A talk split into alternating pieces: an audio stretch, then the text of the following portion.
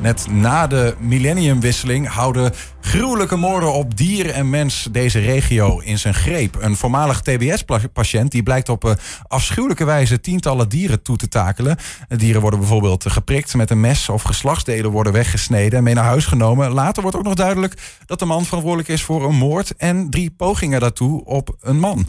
Deze bul van Twente wordt uiteindelijk verraden door een blauw stukje plakband. Het is een geschiedenis die aan bod komt in de bundel Georganiseerde misdaad in de lage landen.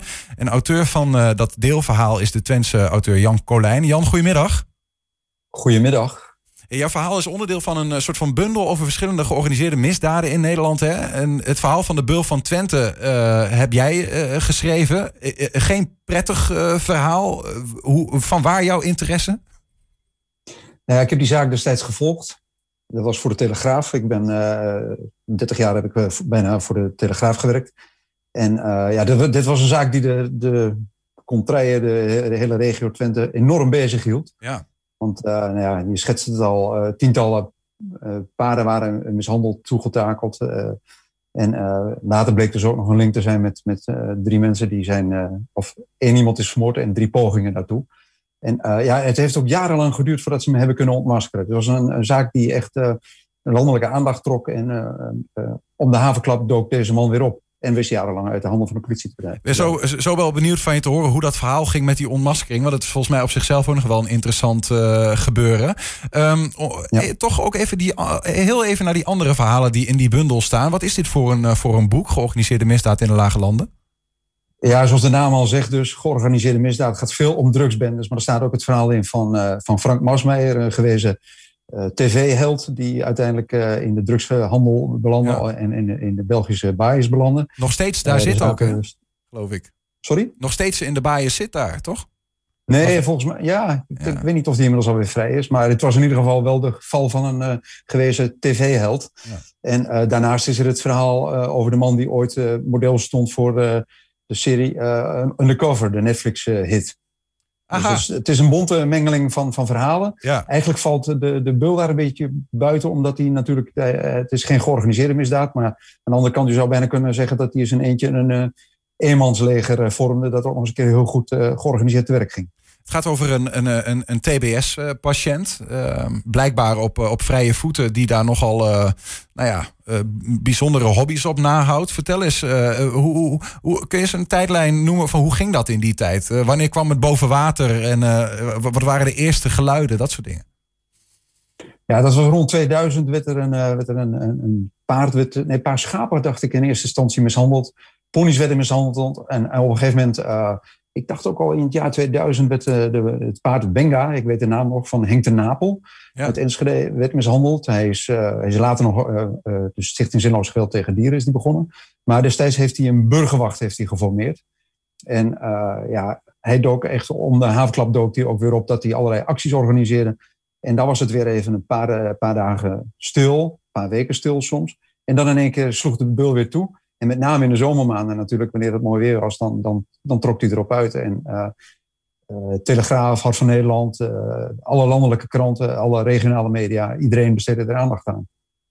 Het is bijna zo'n zo'n hele slechte uh, misdaadserie, weet je wel? Dat er zo'n spanning leeft onder de samenleving en niemand weet wie doet dit nou, van die bizarre acties. Uiteindelijk blijkt hij naast dieren ook een zwerver te vermoorden. Ja. Is, er, is er een, in, het, in het volkspark? In het volkspark. Is er, is er een link te noemen tussen, ja, naast het feit dat het allebei bizar is, maar kun je daar iets over zeggen? Een link tussen die twee, ja, tussen dieren en de mensen? Ja, ja, die link is wel heel opvallend. Want op een gegeven moment, ja, de, de, de politie die vormt een rechercheteam, Caballo, dat staat voor Spaans voor paard. Um, maar het lukt maar niet om, om, om een achter de zaak te krijgen, om, om deze man een stop te doen stoppen.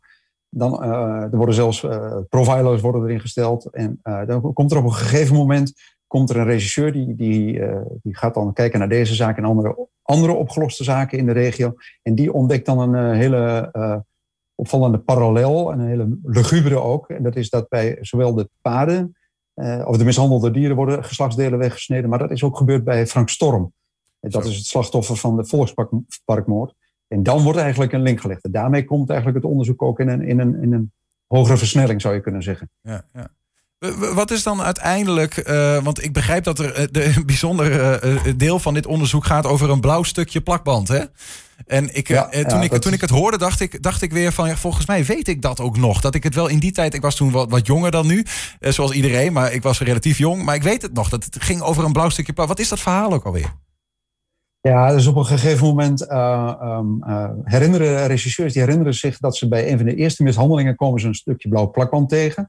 Uh, dat laten ze onderzoeken door een, een plakband-expert. Het bleken tape-experts, blijken het bestaan.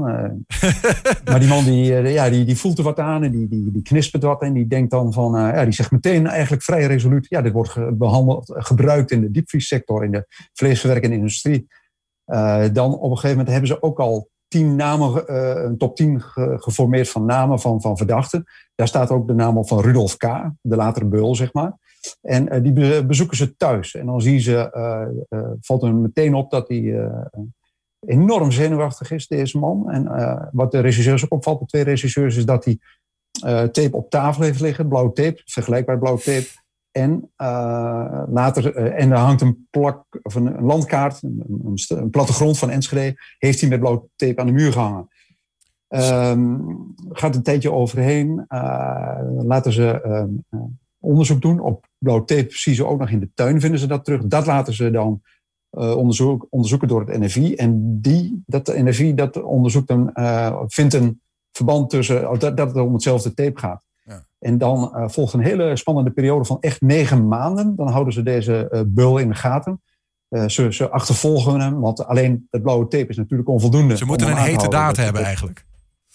Sorry? Ze moeten een hete daadje hebben, zeg maar. Ja, daar was het op gericht. Maar negen maanden lang volgen ze hem. Alleen Rudolf K. was, nadat die twee regisseurs bij hem op bezoek waren gekomen, was hij toch op zijn hoede. Hmm. En ja, ze zien dat hij gewoon mensen achtervolgt. dat hij bij een weiland blijft staan, sigaretje rookt en eigenlijk uh, waarschijnlijk die hele mishandeling opnieuw beleeft, is het vermoeden. En uh, uiteindelijk besluiten ze hem om buiten daar toch aan te gaan, gaan houden, want hij gaat steeds vaak mensen achtervolgen. En ja, de kans dat hij uh, opnieuw slachtoffers maakt onder mensen, dat willen ze natuurlijk voorkomen. Dus wordt hij uiteindelijk buiten heterdaad aangehouden. vinden ze in zijn, in zijn huis, in zijn woning, ja, het wordt nu echt luguber, maar vinden ze een, een plastic zak vol met met allerlei afbeeldingen met, met paarden en daar dan opgeplakt de geslachtsdelen van mensen. Dus ja, dan, dat is al uh, een behoorlijke uh, teken aan de wand natuurlijk. Ja, ja, ja, en later vinden ze ook nog een, uh, een, een, een, batterijklepje dat op het transistorradiootje zat van het slachtoffer in een volkspark. En uiteindelijk, die forensische sporen zijn al heel belangrijk, maar tijdens de verhoren eigenlijk dan, als ze hem het voorleggen, dan tot hun verbazing. De regisseurs vallen bijna van een, van een stoel van verbazing, maar dan bekent hij eigenlijk toch al vrij snel dat hij, dat hij de beul is waar vier jaar lang naar is gezocht. Waar ze dus eerder niks van hem hoorden toen ze bij hem thuis waren. Nee, maar ja, toen, toen was er nog. toen hield hij zich. ja, toen, Op de vlakte. Hadden ze ook helemaal nog geen bewijzen. Maar ze, juist om, ze hadden de verhoren dusdanig opgebouwd, uh, heel tactisch, dat ze meteen begonnen met forensische bewijzen die ze tegen hem hadden. Wat bleek later, hij was ook nog eens een keer vervent fan van CSI, de Amerikaanse serie. En uh, hij, hij, vond het eigenlijk uh, heel eervol ook dat hij, uh, de regisseurs, dat hij ze zo, zo lang uit, uit handen wist te blijven. Dat hij een hoofdrolspeler was, was geworden. ook heel gefascineerd over die bewijslast die ze tegen, bewijzen die ze tegen hem hadden gevonden. Ja, jongen, jongen, wat een bizar verhaal. Hoe, um, wat intrigeert jou nou het meest, Jan, als je zo'n, zo'n hey, ik neem aan dat je veel mensen hebt gesproken die slachtoffer zijn of misschien zelfs regisseur waren of wat dan ook. wat, wat, heeft, wat intrigeert jou zo in dit verhaal? Ja, destijds heb ik die zaak gevolgd voor de Telegraaf vanaf 2000, echt mhm. jarenlang. Uh, uh, misschien wel tientallen verhalen ook over geschreven. Maar ja, het meest frappant is natuurlijk wie doet nou zoiets? Wie gaat nou weerloos paard, uh, pony, schaap toetakelen tot de doodroep volgt? Hebben ze daar enigszins een beeld bij? Is, dat, is, dat, is, dat ja. een, is daar een beetje een vinger achter te krijgen waar dit vandaan komt? Nou, dat is, dat is het meest ziekelijke eigenlijk, toch wel sinistere aan de zaak. Uh, het motief van deze man is een, is een, een, een seksueel motief. Hij sneed de geslachtsdelen weg. Mhm. En die gebruikte die dan ook nog bij hem thuis. Die bewaren ze in de diepvries. sneed ze weg als een soort trofee, maar ook om daar seksuele handelingen mee te verrichten. We gaan zo meteen eten, dus ik, ik zou zeggen, lees het boek voor je het wel wil lezen. Want, aanvankelijk zijn dat ook details die we echt buiten de media hebben gehouden, omdat ze gewoon ja, te misselijkmakend zijn. Maar het is nu, we zijn nu 15 jaar verder, 20 jaar verder en uh, 15 jaar. En de uitgever die zei, nou ja, dit, dit zijn zaken die je misschien niet in de krant zet, maar die eigenlijk wel in een boek thuis horen. Dus eigenlijk is het ook voor het eerst dat het zo uitgebreid allemaal is opgeschreven. Nou. Hoe, uh, maar je moet wel over sterke, sterke maag Ja, dat kan me voorstellen. Dat kan ik me zeker voorstellen. De, eh, hoe, hoe, ja, misschien heel gek. Ik weet niet, hoe, hoe gaat het eigenlijk met die man? Leeft hij nog, de, de, de Bul van Twente? Waar, waar, is hij? Nou ja, hij, is, hij, heeft levenslang gekregen, want dat was ook uh, nog zoiets. Levenslang wordt niet zo heel vaak opgelegd. hij had natuurlijk ook weer TBS kunnen krijgen, maar juist bij de TBS. Hij, had een, eh, een, een, hij was behandeld in de kliniek in Rekken, net over de provinciegrens in de mhm. Achterhoek. Daarbij had hij zijn behandelaars echt op een hele listige wijze om de tuin weer te leiden. En dat uh, leidde er ook toe dat de justitie zei van deze man mag niet opnieuw TBS krijgen, want dat, is, dat heeft toch geen zin. hij moet levenslang krijgen. En juist op het moment hoe um, de beul vertelde tegen, over de rechters van wat hij met de geslachtsdelen van de mishandelde dieren had uh, gedaan. Uh, daarvan zei later de advocaat-generaal, de openbare aanklager in een hoger beroep. Toen zag zij het kwartje vallen bij de rechter en ja, toen hebben, hebben ze levenslang opgelegd. Opvallend is dat Henk de Napel van die Stichting Zinloos Geweld tegen Dieren... heeft nog een tijd gecorrespondeerd met hem vanuit de gevangenis. En heeft hij later opgetekend in een boek, die hele correspondentie. Die is later is die, verwaterd, die hele correspondentie. Hij zat aanvankelijk geloof ik ook nog in een inrichting toen kreeg hij wel contact met hem, maar later is hij overgeplaatst naar, naar de baas. En nu, hij schijnt nog vast te zitten, maar ja, hij zal nu rond 65 zal die zijn. En Henk ten Apel die zei al, zegt ook in het boek gekscherend van, zul je ook nog net zien, beland je in de baas en dan word je ook nog eens een keer 100. Ja, ja, ja, ja, nou ja, ja, de vraag is of je dat inderdaad moet willen.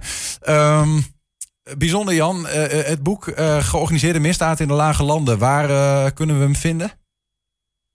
Uh, Bol.com zal die te koop zijn. Natuurlijk, voor wie in coronatijd de plaatselijke middenstand wil steunen, kun je het gewoon online bestellen, neem ik aan. Het, wordt, het is uitgegeven Just Publishers, uitgever van, van veel true crime stories, true crime boeken zoals dat heet. En het is gewoon te bestellen via de plaatselijke boekhandel bijvoorbeeld. Kijk, dank voor dit verhaal. Jan Colijn hoorde je over zijn verhaal over de bul van Twente. Jan, dank je wel. En nou ja, uh, hopen en uh, veel plezier met de verkoop, zeg maar. Hopen op veel verkoop. Dankjewel.